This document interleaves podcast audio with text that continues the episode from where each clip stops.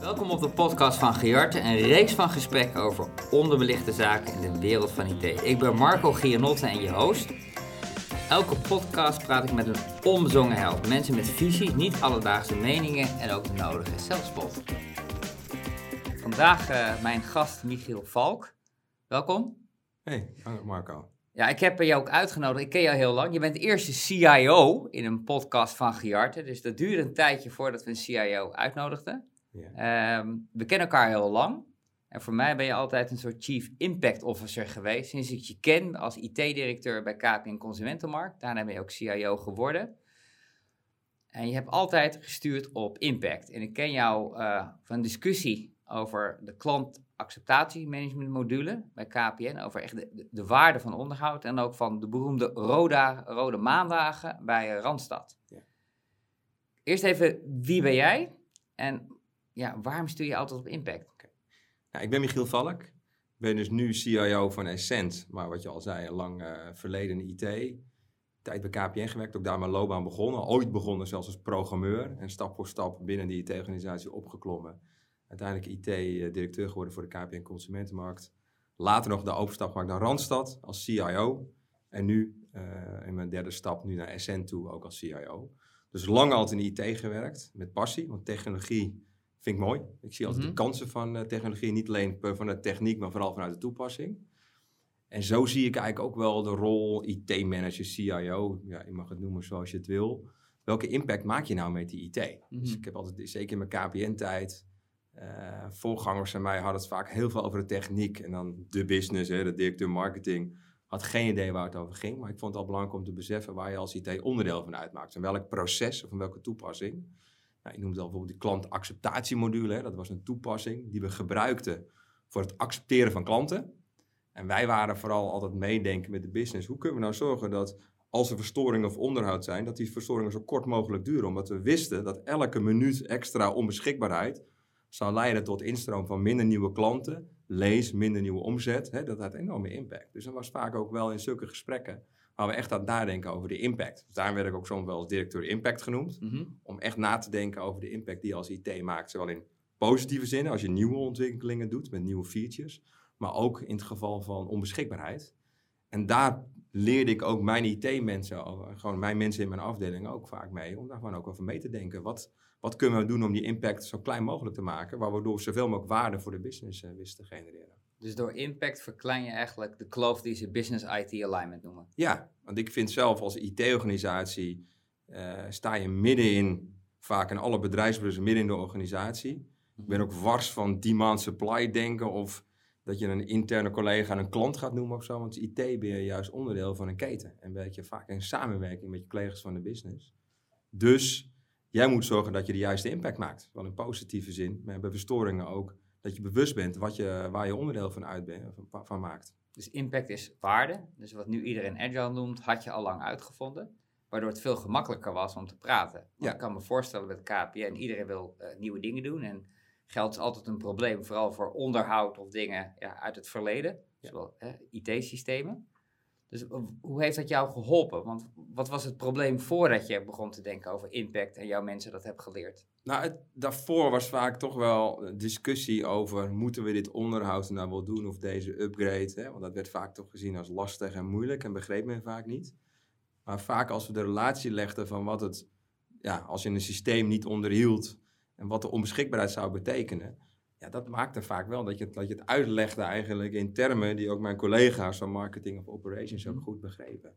En dat vind ik altijd wel heel belangrijk. Dat je niet alleen maar praat over, we doen een Oracle XI upgrade, maar vooral mm praat over een module hè, die, is, die herkend wordt en wat, het, en wat het betekent als iets bijvoorbeeld een uur per maand minder onbeschikbaar is. Dat, levert, dat konden we keihard uitrekenen, wat het aan nieuwe klanten voor opleverde bijvoorbeeld, als die gewoon er was. Ik kan nog herinneren dat je denkt, een, een week telt... Uh, 10.080 eh, minuten heb ik uh, ooit uitgerekend. En ja, wat zijn community die echt tellen? Want anders wordt het zoiets anoniems, hè, een SLA. Ja. En ik, ik herken je ook altijd iemand die altijd vocht eigenlijk tegen die anonieme SLA. Die, toen zeiden we al, het staat voor Secret License Assumptions ja, voor de business. Wat zegt een percentage van 99,98%? En als het dan een keer 90,99%, dat, dat zegt een, een, ja, iemand, een directeur operations helemaal niets. Maar als je uitlegt van, joh, jouw callcenter applicatie heeft twee uur gemiddeld, doet twee uur per, per werkweek, is gewoon beschikbaar. Ten opzichte van de week daarvoor kan dat ook meteen gerelateerd worden aan productiviteit van die callcenter medewerker.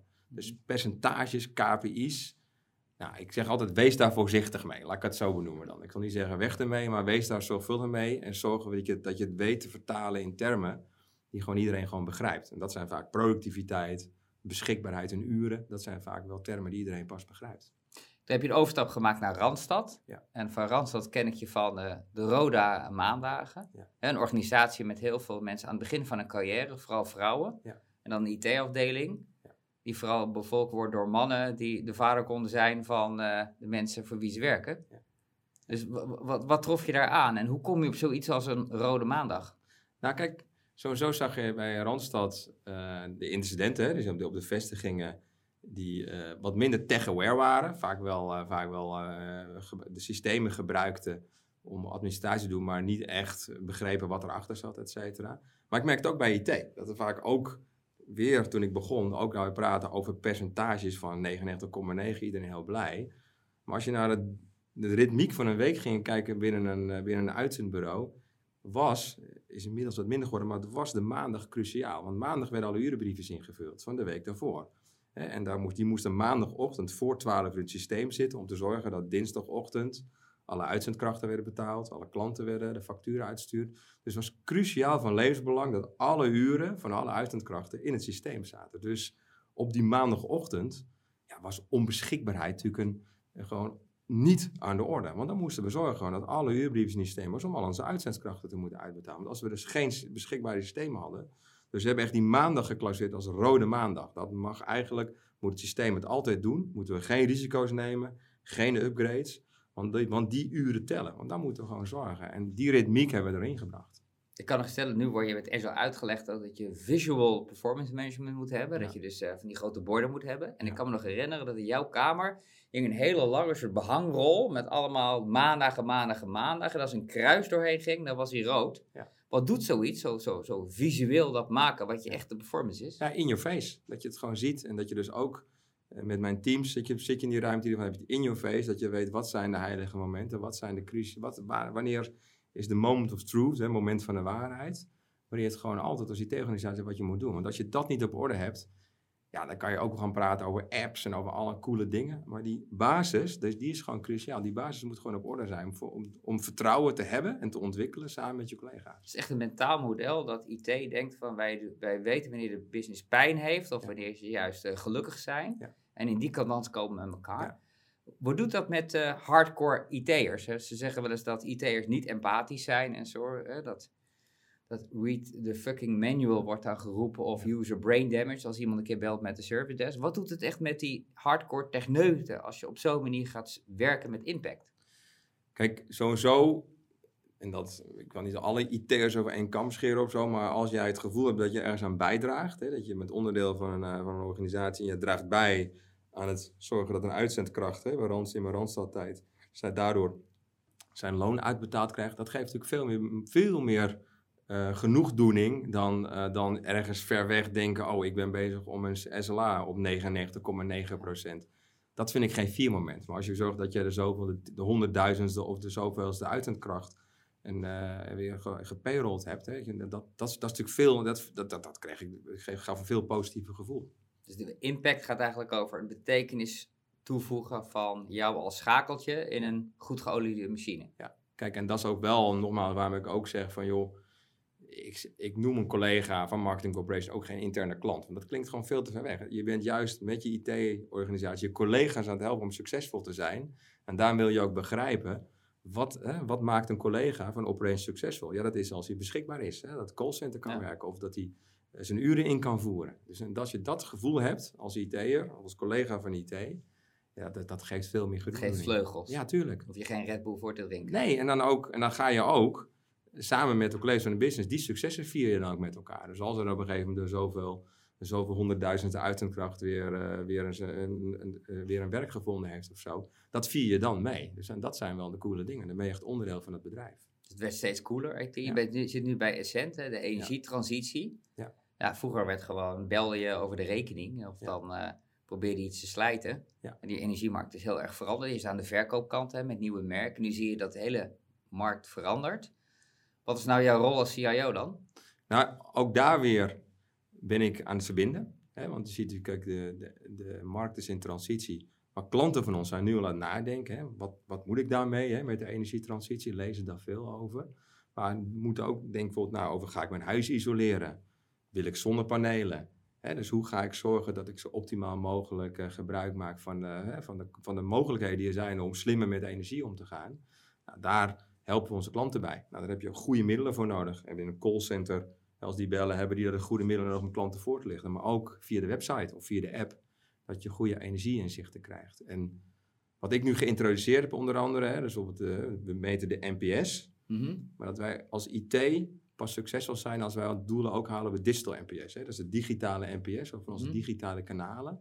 Dat werd eigenlijk al gemeten, maar het leeft helemaal nog niet bij IT. Bij IT praten we in 99,99 procent. Ja. Dus wij hebben nu digitaal, digital NPS, zoals het heet, mm -hmm. Ook als doelstelling gesteld, samen met onze collega's van, uh, van marketing, om daar succesvol te zijn. Want als we weten als er een hogere digital NPS is, dan wordt onze website en onze apps worden dus gewaardeerd. En daardoor kunnen we onze dienstverlening ook uh, goed brengen. Dat is heel belangrijk, want het merk jullie leeft vooral ook digitaal. Ik heb natuurlijk al die micro-contactmomenten met jullie als energieprovider. Het is meer dan energie, het is een soort partij die mij helpt om beter en gezonder, maar ook uh, ja, klimaatbewuster te leven, ja, toch? Ja, stap voor stap zeggen we gewoon, nu al gewoon helpen je met gewoon de stappen te maken in de energietransitie. Klopt.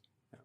En is het nou zo, zie je die verandering ook bij je collega's? Want ja, CIO's, ja, dat is natuurlijk een beroep. Wordt ook als gezegd, career is over. Hè? Dat, je bent al heel lang, dus dat klopt niet helemaal. Maar wat is wat jij andere CIO's het best kan meegeven in deze tijd? Want ze noemen dan digitale disruptie ja. en een hele shitload aan woorden om maar hun belangen te illustreren. Wat is nou de essentie voor jou van de CIO-schap? Kijk, ik vind de essentie nogmaals als CIO, je bent verbinden. Dus zorg dat je zelf optimaal verbonden bent met al jouw peers in de organisatie. Dat je goed begrijpt waar gaat de strategie heen en hoe zijn wij succesvol als bedrijf, zowel op korte als op lange termijn. Mm -hmm coach je mensen ook in, in, in, dat, uh, in, die, in die verbinding. Hè? Dus zorg ervoor dat jouw mensen durven om in gesprek te gaan, om te begrijpen, door te vragen. Uh, en ook zeg ik soms, schiet niet te ver door in het, ja, natuurlijk technologie, je moet technologie begrijpen, maar in het, ja, je wijs laten maken dat alle technologie maar nodig is om succesvol te zijn. Zorg eerst dat je je business en je businessmodel goed begrijpt. En natuurlijk, daar kan je technologie voor toepassen als cloud, AI, hè? je kan de hele lijst opmaken. Maar geef voldoende aandacht om juist die verbinding, verbinding te maken met je collega's uh, binnen de organisatie. Dat is die, die fit factor noemen ze dat, fear uncertainty and doubt. Dus minder het strooien met termen en als je de boot mist, hè, ja. Uber yourself of get codec. Minder exact. dat, dat soort taalgebruik, maar meer dieper in de organisatie je begrijpen. Ja, begrijpen. En vooral zowel kort termijn, want er zijn heel veel mogelijkheden vaak. En dat noem ik laaghangend fruit. Dat het gaat natuurlijk vaak over lange termijn over disruptie, andere businessmodellen. Maar vaak nu al zijn er veel, veel kansen te behalen, juist door het slimme gebruik maken van, uh, van wat je hebt aan technologie, aan middelen. Mm -hmm. uh, en dat vind ik soms dat CIO's dat vaak uh, bezig zijn met de cool stuff, hè, de coole ja. dingen allemaal. Maar het laten liggen dan op gewoon ook zorgen dat je nu zorgt dat een callcenter gewoon optimaal werkt. Dat je ja. gewoon de, de, de verstoringen, de ergernissen weghaalt.